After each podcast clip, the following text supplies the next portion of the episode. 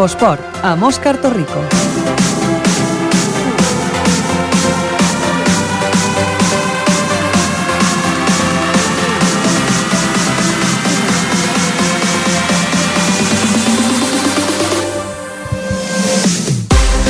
Molt bona tarda, benvinguts a l'Infoesport, el programa dels esports aquí a Ripollet Ràdio. Un dilluns més, les 7 i 10 de la tarda, comencem un nou programa, ja és l'avantpenúltim de la temporada, d'aquesta temporada 2013-2014, que està tocant a la seva fi en els diferents esports, però tot i així aquest cap de setmana hi ha hagut una mica d'activitat esportiva pel que fa al futbol i al futbol sala, que repassarem en aquest programa. També estarem avui eh, tindrem la presència a l'estudi del regidor d'Esports, el Xavier Peñarando, que, al qual li preguntarem pel, per la jornada esportiva d'extraescolar la festa de l'esport extraescolar que es disputarà els propers dies, concretament el dia 14 de juny, per altres, molts altres temes de la ciutat pel que fa a l'esport. Eh, començarem, eh, el comandament tècnic està el Jordi Puy, començarem com sempre amb el repàs dels marcadors.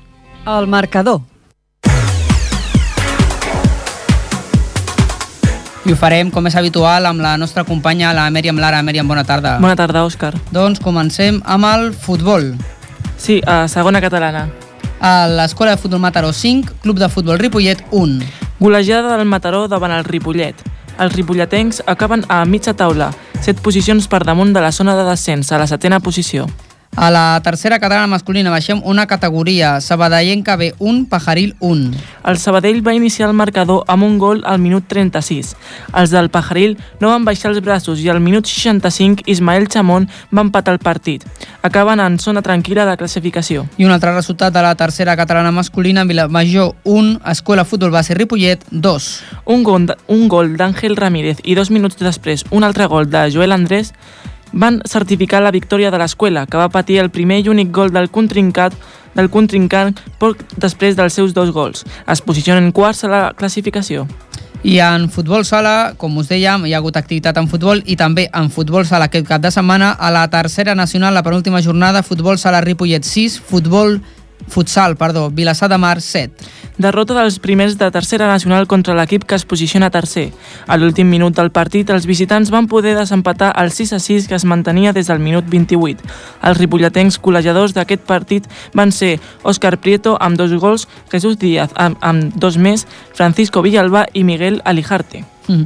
I acabarem aquest repàs del futbol sala amb la divisió d'honor catalana, eh, amb el partit que enfrontava el futbol sala Ripollet B amb el Pla de Llobregat, que van guanyar els de Ripollet per 7 a 3. Un partit molt igualat al principi que va començar, va començar decantant-se pel visitant, però que poc després van poder recuperar els ripolletens. Gols de David, que va ficar 3, Javier, Cristian, Alejandro i Rubén. Acaben ter tercers, fora de la zona d'ascens. Doncs moltes gràcies, Mèriam. Aquest ha estat el repàs dels diferents marcadors. A partir d'ara ens endinsarem en desgranar una mica alguns d'aquests partits en explicar-vos altres novetats, altres informacions pel que fa als propers dies també. Continuem.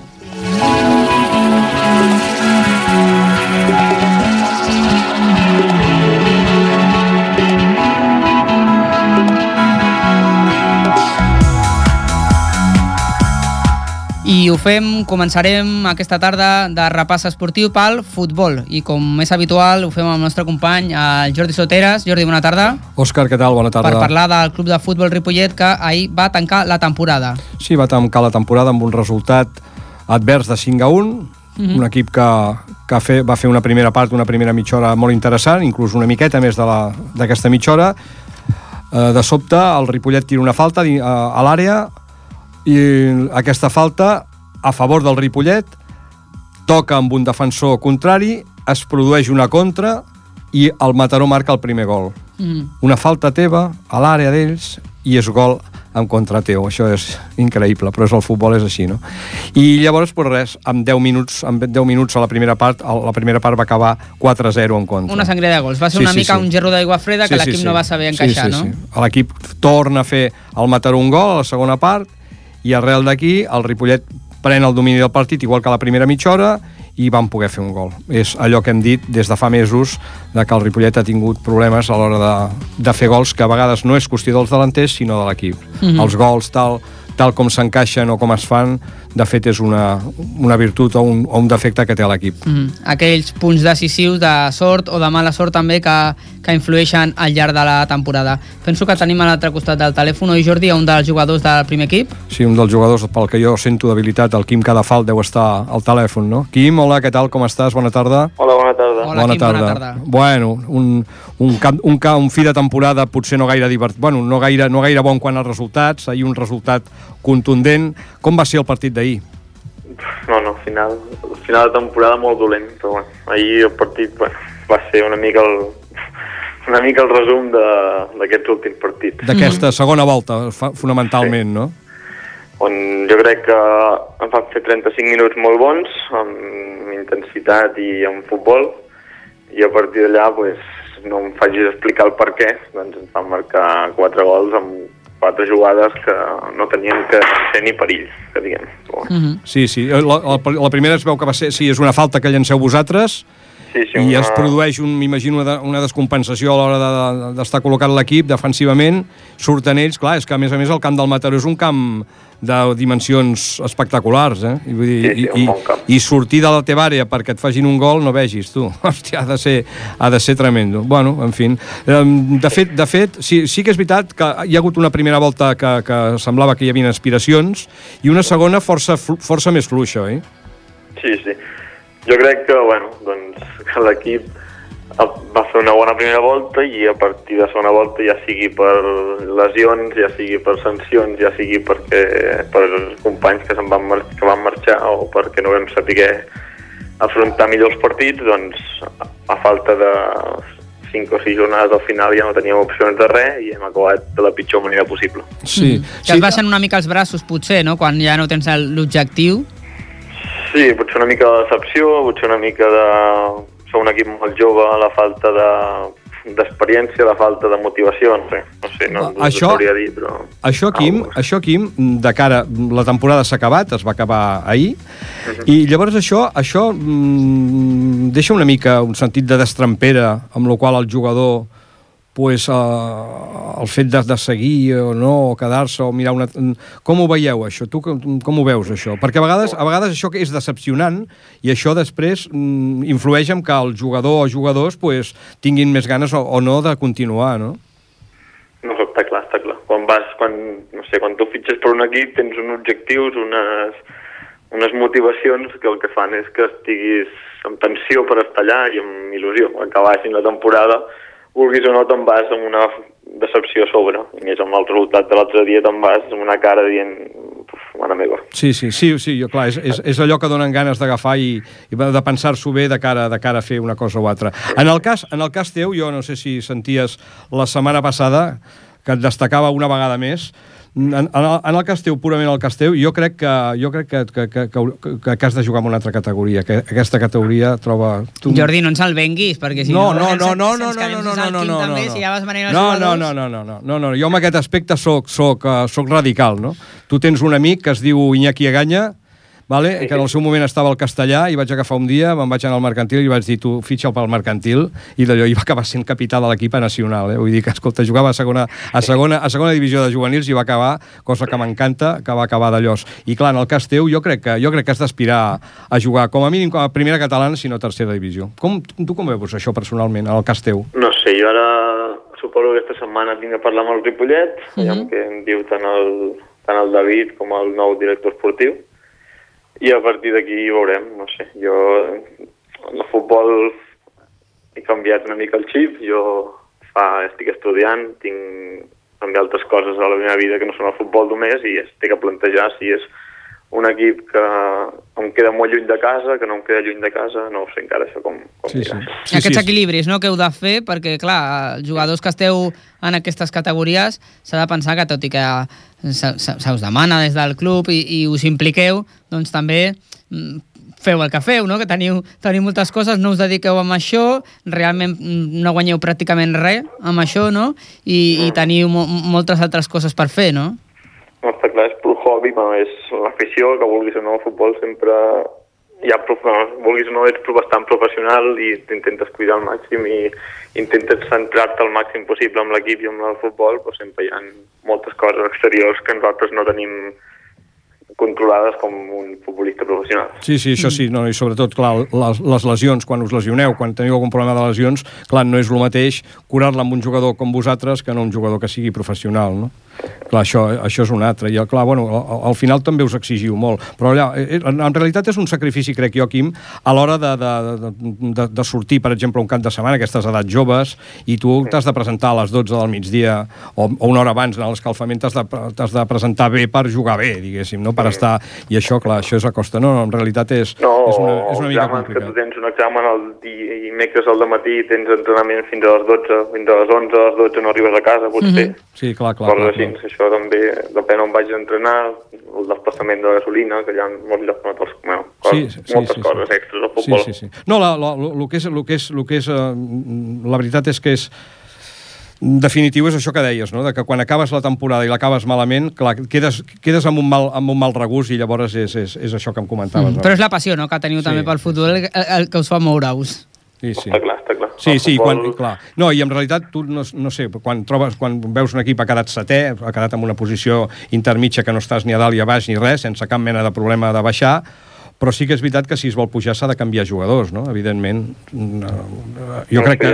No sé, cosa del club. Sí, és cosa del club, perfectament. Bueno, res, escolta, Quim, que vagi molt bé, que tinguis molta sort, que vagis, vés amb un equip, vés a jugar a tercera divisió, que tu mereixes, ets molt bon jugador, xaval, ets molt bon jugador, la veritat és que sí. I gràcies per, per donar-nos aquesta temporada en aquí, el que ha pogut gaudir de, de vosaltres i en especial de tu, que ets, ja et dic, que jugues d'una forma molt especial.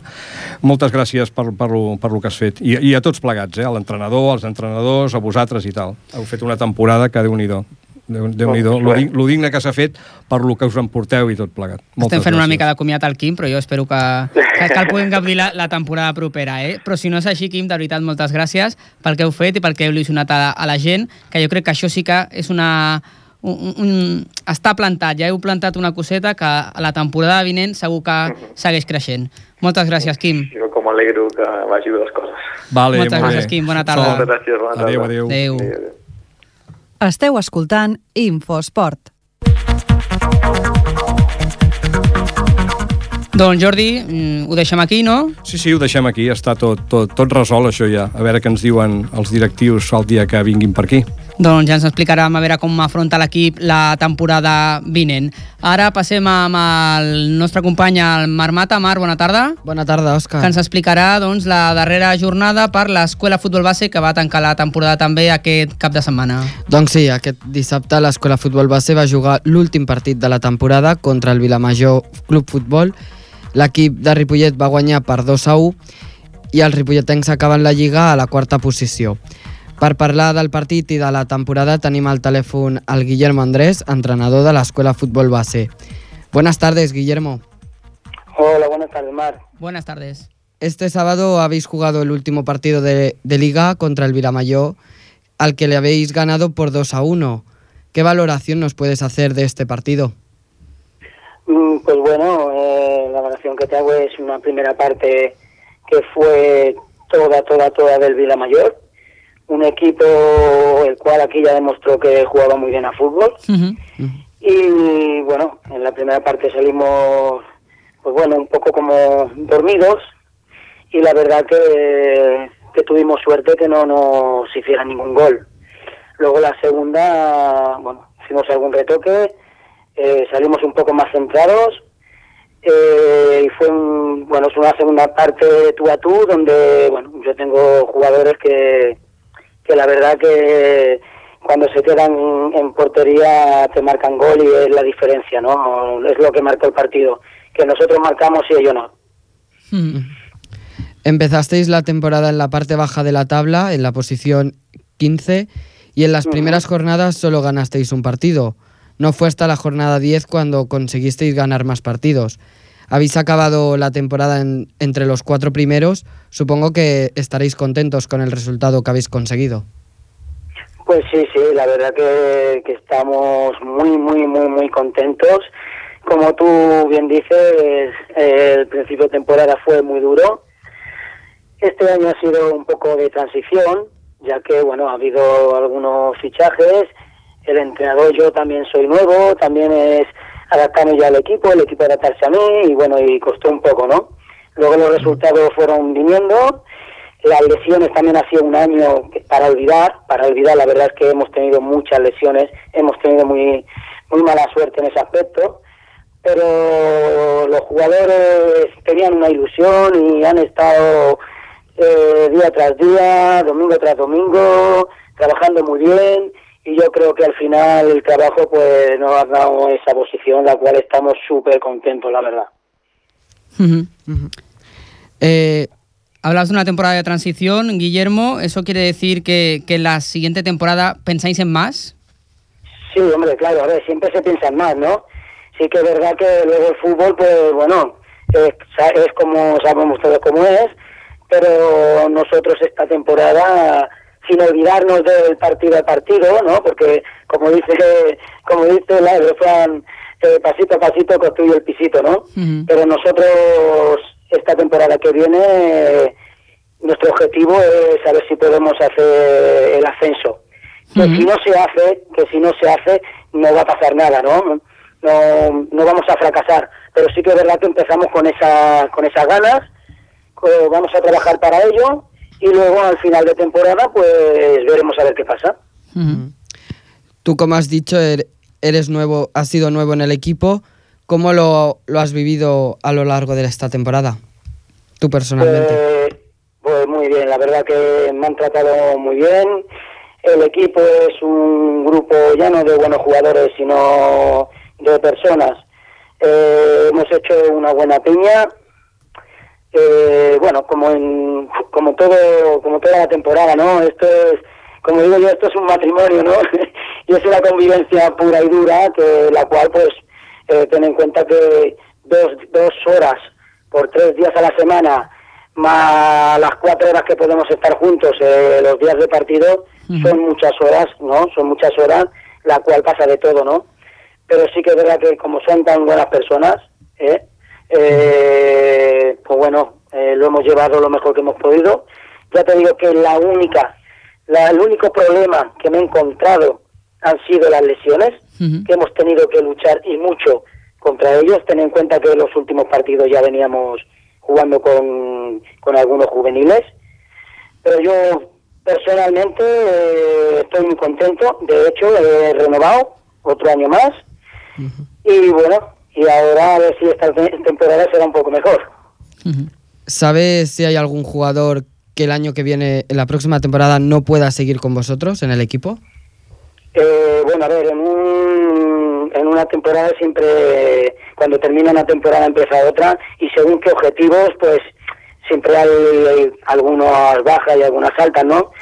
Que eso, bueno, eso ya vendrá esta semana, pero sí que de momento hay un jugador que Joel, que abandona el, el equipo voluntariamente porque, bueno, le ha salido un, una mejor oferta, el chaval es joven y lo tiene que aprovechar. Y de momento ahora mismo es el único que, que seguro está no estará el año que viene. Y lo ha hecho muy bien esta temporada, así que es una baja también importante, ¿no?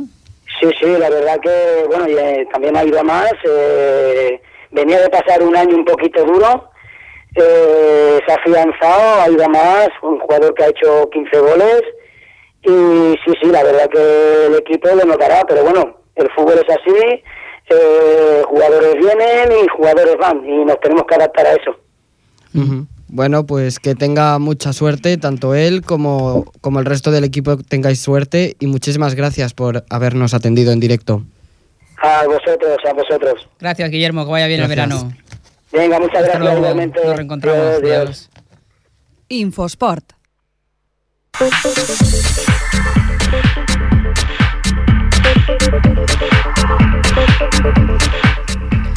Doncs continuem i seguim amb futbol. Rematarem el tema futbolístic d'aquesta tarda, una altra vegada amb el nostre company el Jordi Sotera. Jordi, Hola, altra vegada. que ens parles d'un tema de- d'esport de base, de futbol sí, de base. de la 34a setmana esportiva que fa el, un futbol club Ripollet la setmana que ve, el cap de setmana que ve, divendres, dissabte i diumenge, dia 6, 7 i 8, i després la, la següent setmana, 14 i 15, algun dia 14, i 15 del torneig de la Vins. Mm. Participants, Cornellà, Girona, Mollet, Vic i Badalona, i ara m'imagino que sí, sí, el 15 de juny amb infantils i cadets.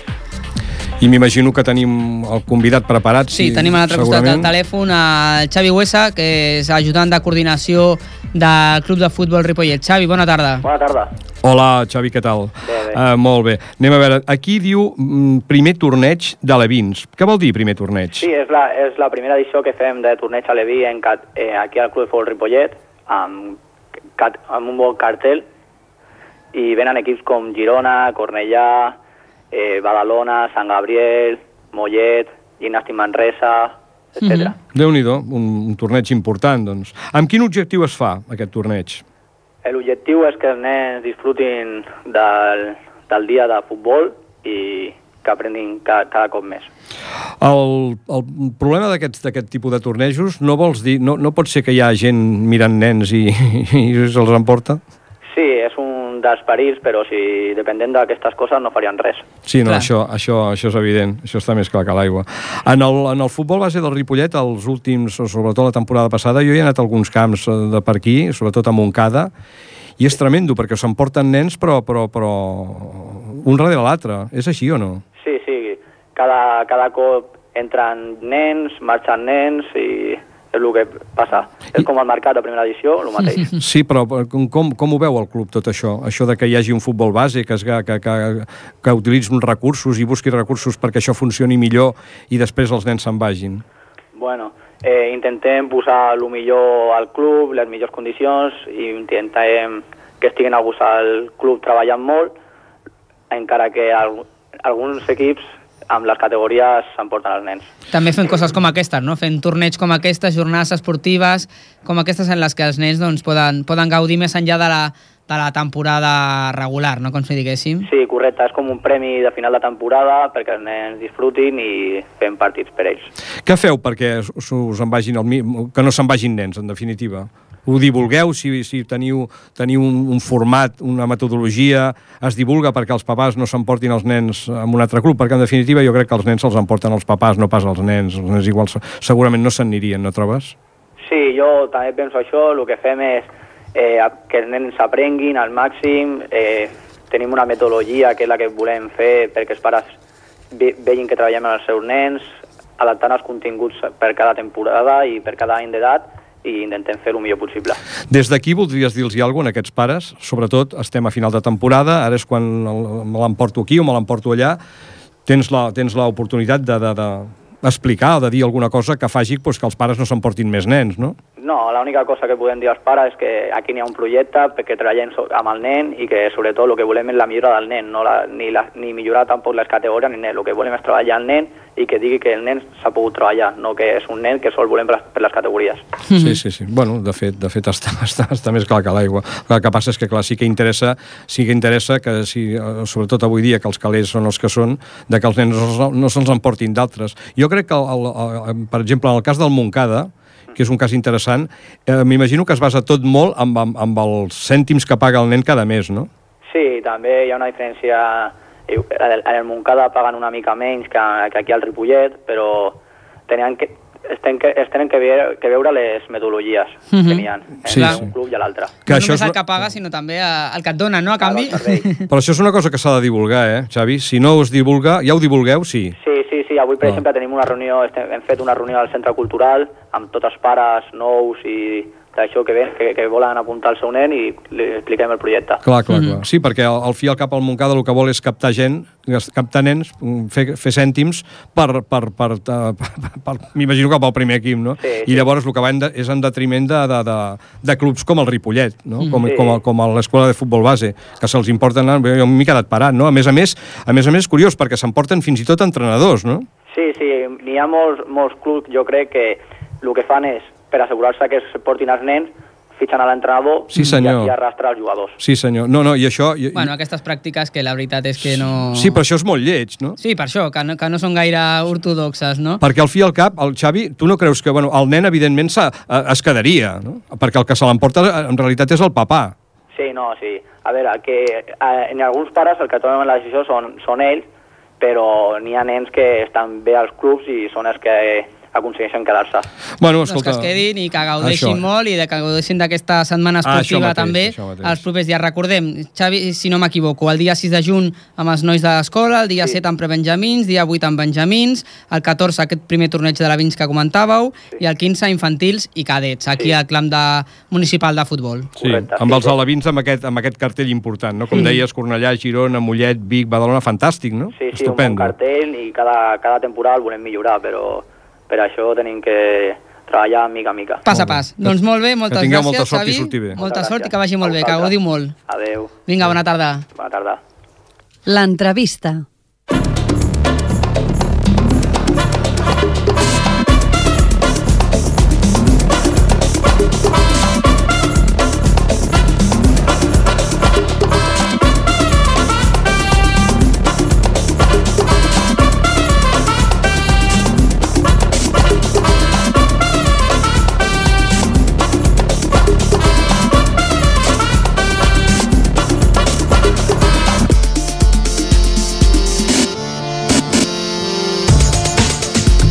Doncs, com us comentàvem a l'inici del programa, avui tenim un invitat il·lustre. Estem molt agraïts de que estigui aquí avui amb nosaltres eh, quan estem acabant la temporada de, de l'Infoesport, amb el regidor d'Esports i president del Patronat Municipal d'Esports de Ripollet, el Xavier Peñarando. Xavier, bona tarda. Bona tarda. Uh, fèiem venir avui per parlar de la festa de l'esport extraescolar que tindrà lloc el proper dissabte 14 de juny. Recordem que la setmana vinent el dilluns és festa i no hi serem, per tant doncs, ja hem aprofitat aquest dilluns per parlar-ne amb, amb el Xavier. Aquesta festa de l'esport es- extraescolar el dia 14 a partir de les 9.45 del matí, que és la cluenda de les activitats extraesportives, eh, esportives, perdó, extraescolars que realitzen tots els alumnes de, de Ripollet. Quants joves participen actualment a, amb els Jocs Escolars en aquestes competicions? Bueno, tenim un número que sempre des de fa anys ja el tenim al, al voltant de, dels 1.000 eh, participants i jo Mhm. crec que hem d'estar tots eh, orgullosos, tots els veïns de Ripollet i tot l'esport local en, en general perquè del, nosaltres estem, que és el Vallès eh, comarcal, occident, Vallès Occidental Sud, Mhm.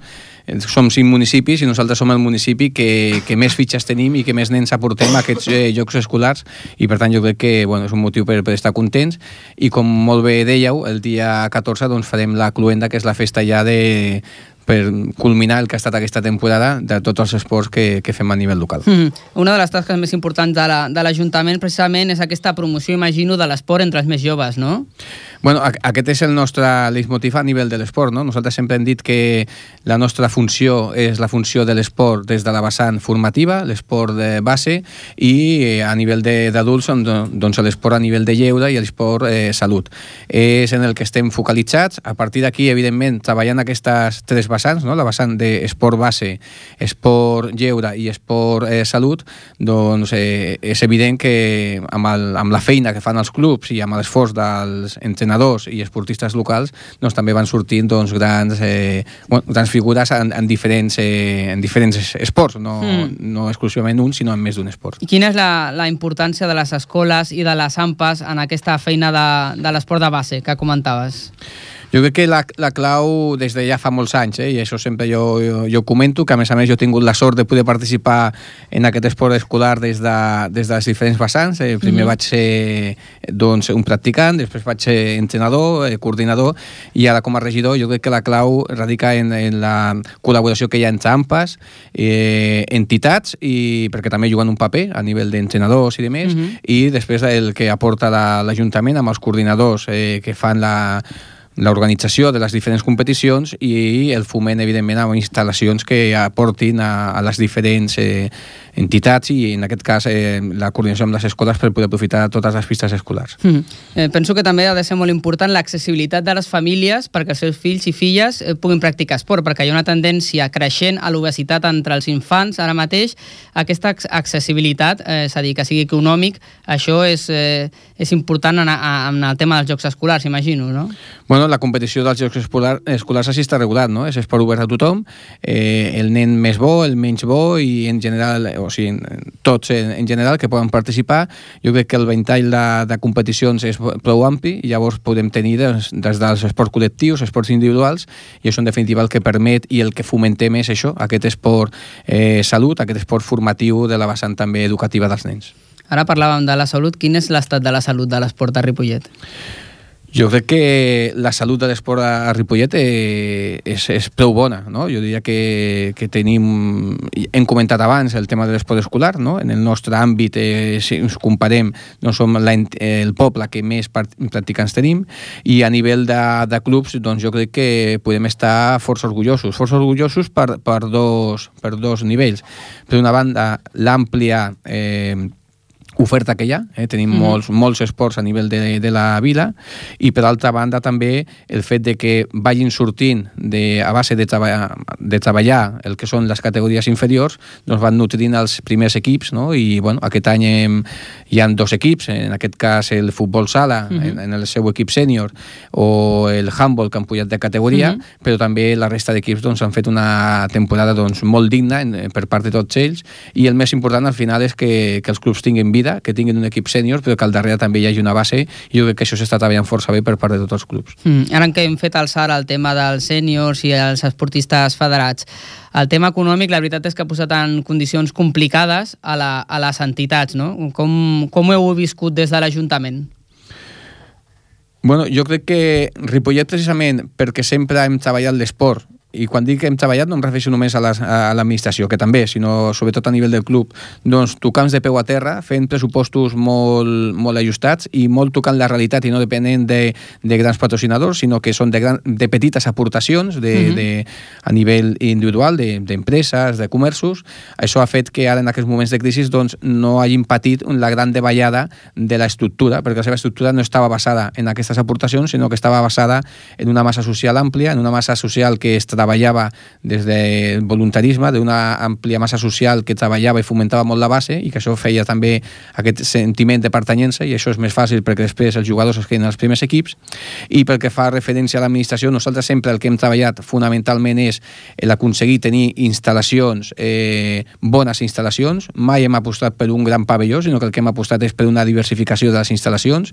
Recordem que a Ripollet tenim set pistes eh, cobertes, pistes dels que diem petites, i això, si ho comparem amb amb, amb altres pobles del voltant doncs no, no és l'habitual i després per l'altra banda dir també que des de l'administració en aquests últims anys de retallades la partida que no ha produït que no ha tingut cap retallada és la partida precisament de subvencions a les entitats i la partida de subvencions a aquestes entitats esportives mm -hmm. AMPAs i de més que continuen tenint la mateixa bossa de, de calés per repartir-se entre ells. Tot i així la, la situació com han baixat els ingressos d'altres llocs doncs la situació pels clubs s'ha complicat més i també hi ha el problema que la situació també afecta a l'administració, no? és a dir, que, que els diners, imagino que tampoc podeu donar més diners a les entitats en la situació actual. No, eh, les entitats el que han fet és, doncs, abans, diguéssim, que podien fer aportacions econòmiques a, a, a jugadors, podíem fer pressupostos amb més eh, despeses, i el que han hagut de fer, doncs, evidentment, és eh, eh, a condicionar el que són les seves despeses als seus ingressos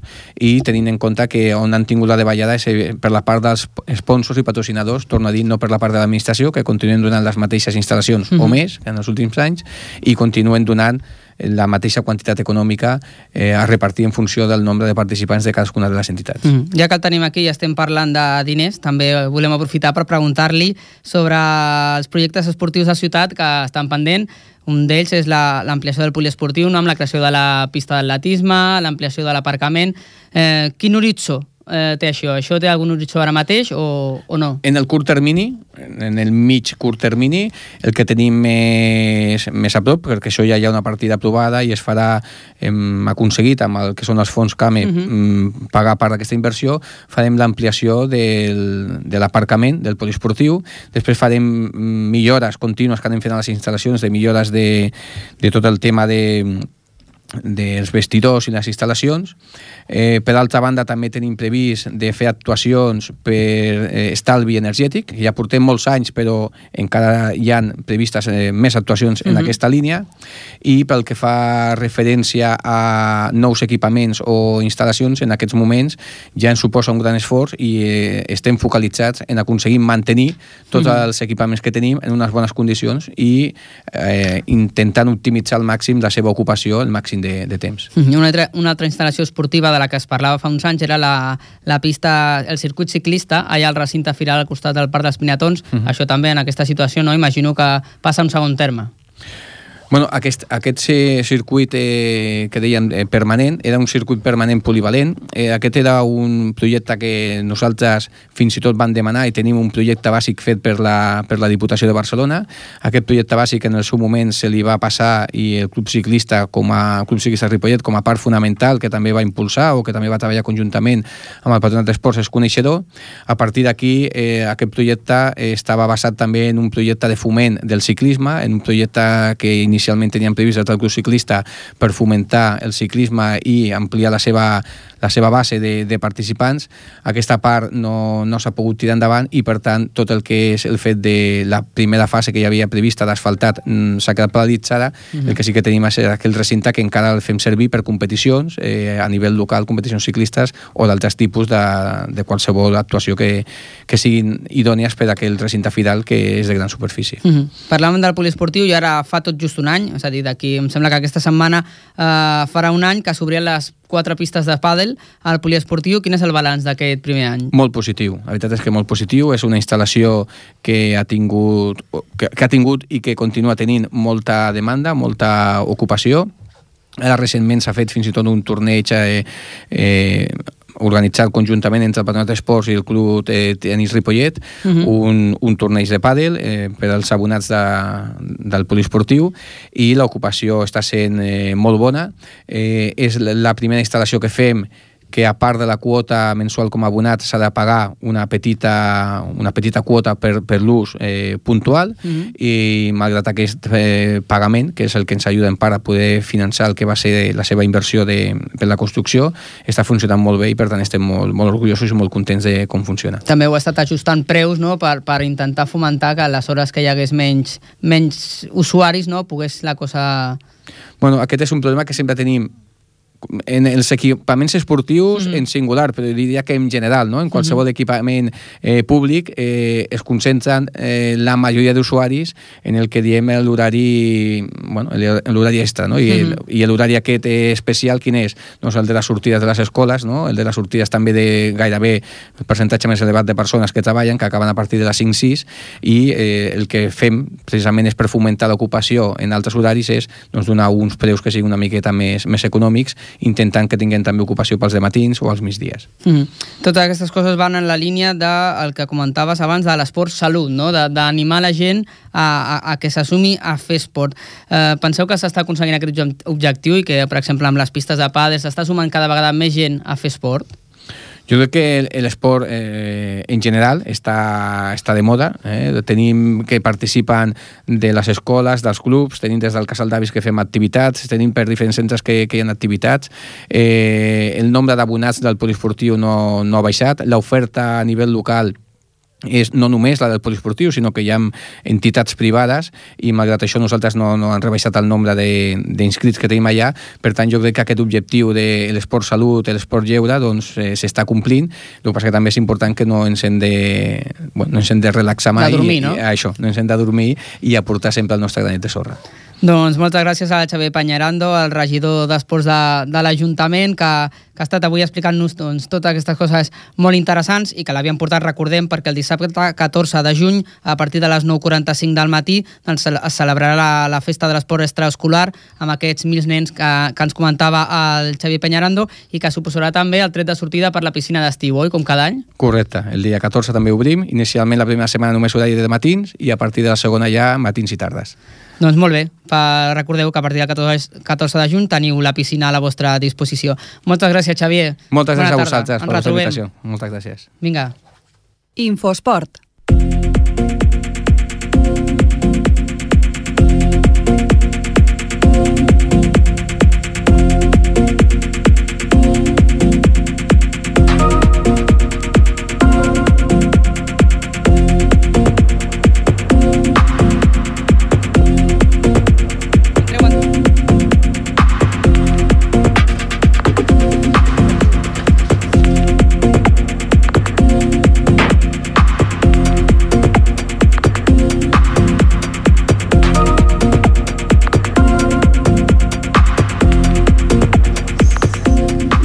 Continuem i ho fem eh, amb el nostre company Marc Mata de nou. Marc, Bona ens tarda, explicaràs eh, una informació, també una altra activitat que es farà aquest proper cap de setmana aquí a la ciutat. Sí, aquest dissabte durant tot el dia, exactament des de les 9 del matí fins les 9 del vespre al pavelló Joan Creus es celebra el sisè torneig Vila de Ripollet d'handbol amb motiu del 46 aniversari de l'entitat.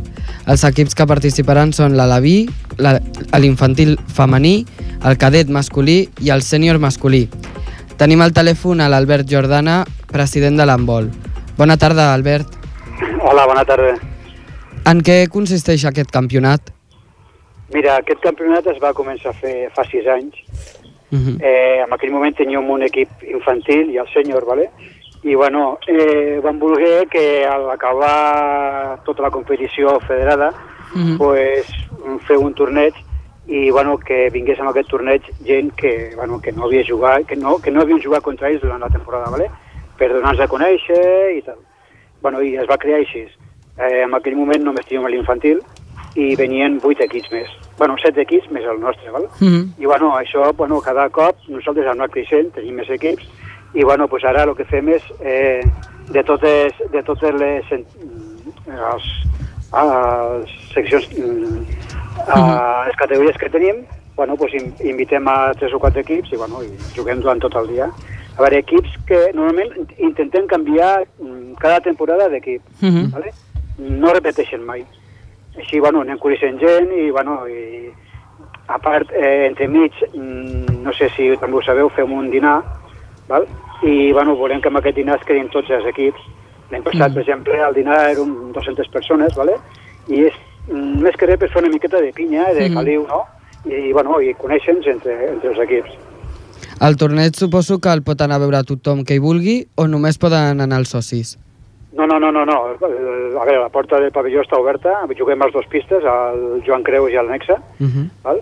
i bueno, pot anar tothom. Veure, quan més gent vagi, molt millor. Mhm. A veure, el Doncs- que a nosaltres interessa és que la gent vagi i vegi, mm, a veure, que conegui l'handbol. L'handbol, perquè- no? Sí, sí, sí, que conegui, perquè a veure, és molt difícil. No és com el futbol, no? Mhm. I, bueno, a part de les promocions que estem fent als col·legis i tal, volem que la gent vagi i, bé, i conegui, i, bueno, i... A veure, hi ha una activitat que si ens dona temps volem fer és que, bueno, la gent vagi i pugui tirar porteria i tal. Mhm. No sé si arribarem...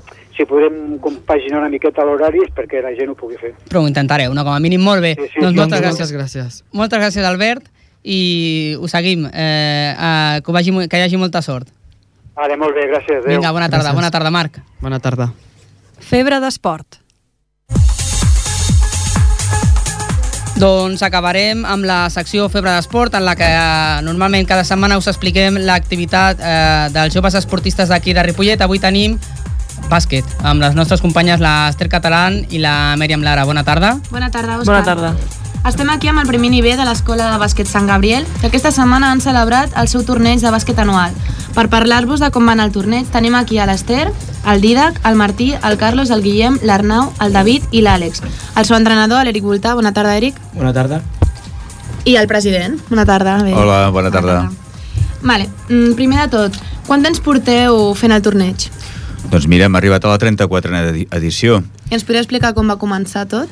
Doncs mira, jo recordo perquè vaig, vaig jugar el primer torneig i recordo doncs, que eren eh, quatre categories amb quatre equips per categoria i tot va resultar doncs, perquè bueno, en, aquell, en aquell moment doncs, el germà Eugeni, que era el que portava el bàsquet de l'escola, doncs, amb un grup de pares doncs, van decidir doncs, fer un torneig i així va començar, perquè van creure que era doncs, un bon, una bona iniciativa per fer un fi de festa. I en què consisteix el torneig? Què hi feu?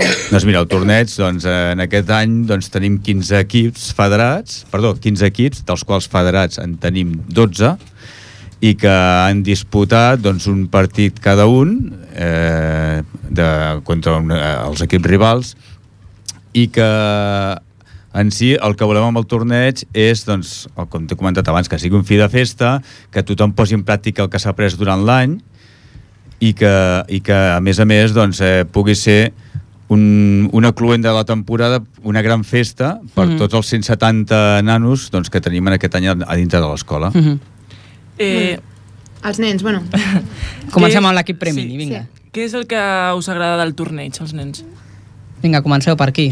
Digueu el nom, vinga, i parleu. Vinga. El meu nom és Guillem i el que més m'agrada de tot el torneig és quan juguem al partit. Molt bé. Vinga, company. Jo em dic Carlos i el que més m'agrada del torneig és el 3x3. Jo em dic Martí i el que m'agrada més del torneig és el sopar de la nit. Veus? Hi ha diversitat, eh? I un altre? Vinga. Jo em dic Àlex i el que més m'agrada del torneig és conèixer els equips. déu nhi Una altra pregunta per la resta que, que falten. És el, el primer cop que hi participeu, al torneig? Eh, Bueno, digues, digues. Ens parla... Ah? S'ha de parlar aquí a la ràdio, eh? perquè si no, no, no escolten a l'altre costat, que hi ha algú. Em dic Arnau Molt bé, Arnau. i... I quants la... anys fa que hi participes al torneig? És el primer any? No, dos anys. Dos Ah, anys dos ja? I a anys. tu què és el que més t'agrada? Eh, quan fem el 3x3. El 3x3? I vau participar tots al 3x3? Sí. Sí? sí? I, I va guanyar alguna copa? Sí. sí. Cap allà, vinga. L'Ester, que ens expliqui la, la nena de l'equip. Bé, Bona. bé, el meu equip va guanyar tots els partits i ens van donar una copa. Molt bé. I el Didac també? No? El Didac no, bueno, però i com va anar Didac? L'important no és guanyar, eh? L'important és jugar i aprendre. Sobretot aprendre. Didac, tu què estàs aprenent? Estàs aprenent molt? Sí, Què és el que més t'agrada del bàsquet? tot. Tot? Tot què és? Votar, tu encistelles, vas a l'atac, defenses, què és el que fas? Rebots, Didac? Rebots, atac i defensa. De tot una mica. Molt bé, i a l'entrenador ja de cara a l'any vinent? Ai, perdó, que m'he deixat.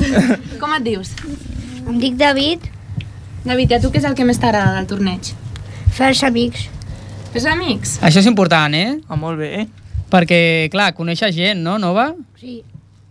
Molt bé. I els, entrenador, els entrenaments us agraden també? Què és el que més us agrada dels entrenaments? Vinga, parleu, parleu. A mi el que més m'agrada dels entrenaments són aprendre coses. A bueno, l'entrenador, què, què treballeu en els entrenos amb, aquest, amb aquesta franja d'edat? Bueno, treballem de tot, una mica tir, bot, fem jocs també perquè s'ho passin bé. Al final, en aquesta edat, el que han de fer és passar-s'ho bé i si milloren en bàsquet, doncs millor, millor encara. I quins són els objectius per l'any vinent? Bueno, jo aquest equip el deixo perquè he estat uns quants anys amb ells i ja, ja toca deixar-ho, però bueno, els objectius sempre són els mateixos, intentar que vagin millorant, que s'ho passin bé i al final d'això es tracta, és l'escola de bàsquet. Llavors ells continuaran tots junts o cadascú anirà a un equip? Bueno, tenim, er- érem 14 aquest any, dels 14, 13 continuen amb l'equip i la nena, l'Ester, és la que se'n va, bueno, segueix en el- segueix a l'entitat però se'n va en un altre equip, en un femení, que ja tocava. I a veure si li preguntem a algú, com és això de jugar en equip? Us passeu bé la pilota, això, o hi ha algú que, que resisteix? Vinga. Eh... A Carlos, explica'ns. Ai, Carlos. Vinga. Jugueu en equip? Volia Jugueu, parlar jugueu ara- bé en equip? Sí. Sí. Sí, no? Juguem molt bé. Us passeu la pilota a tots i... Sí. Eh, Perquè és molt important, no?, jugar Sí, bé a vegades equip. xupem una mica. Ah, bueno, ja ha sortit ara la vena. Però, però això no, no és el que ha de ser, no? Però, bueno, Imagino Per, per això estan els canvis, no, Martí? que el míster ja us té controlats en això, no? t'a- T'agrada molt atacar o què? I el cistell encara més. No, però fa bons passes també el Martí, eh? I anem cap, anem cap allà. La, la noia, que a vegades hi ha molts de nois, i la noia, què, què passa? Te passen la pilota a tu també o no? Sí, es porten bé, no? Si no, si no s'enfada, no? Em diu el míster, hombre, si no... No, si no se'ls agafa ell els rebots, sí, no? I, Ja i si no s'espavila sola, oi que no, sí, ja- Esther? Ja, ja s'ocupa ella de- d'emportar-se les pilotes. Teniu l'última pregunta o acabem aquí? Bueno, per mi ja està. Sí. Doncs ens quedem sense temps, ens queda només un minutet del programa. Us agraïm molt que hagueu vingut aquí a la ràdio a explicar-nos com viviu l'esport, com, com us agrada i com, i com us ho passeu tan bé i com apreneu tantes coses i tants valors que segur que, és de la, que des de l'entitat és el que intenteu, És no? el que es tracta, que juguin, que s'ho passin bé, sobretot, i ja tindran temps quan siguin més grans de competir i prendre-s'ho en sèrio, si volen. De moment, valors, això és important. Doncs moltes gràcies al Bàsquet Sant Gabriel, moltes gràcies a, a l'equip. Tornem no el proper dilluns dia 9 perquè és festiu, sinó el següent, el dia 16, per fer el penúltim programa de la temporada d'Infoesport. Ens retrobem. Bona setmana.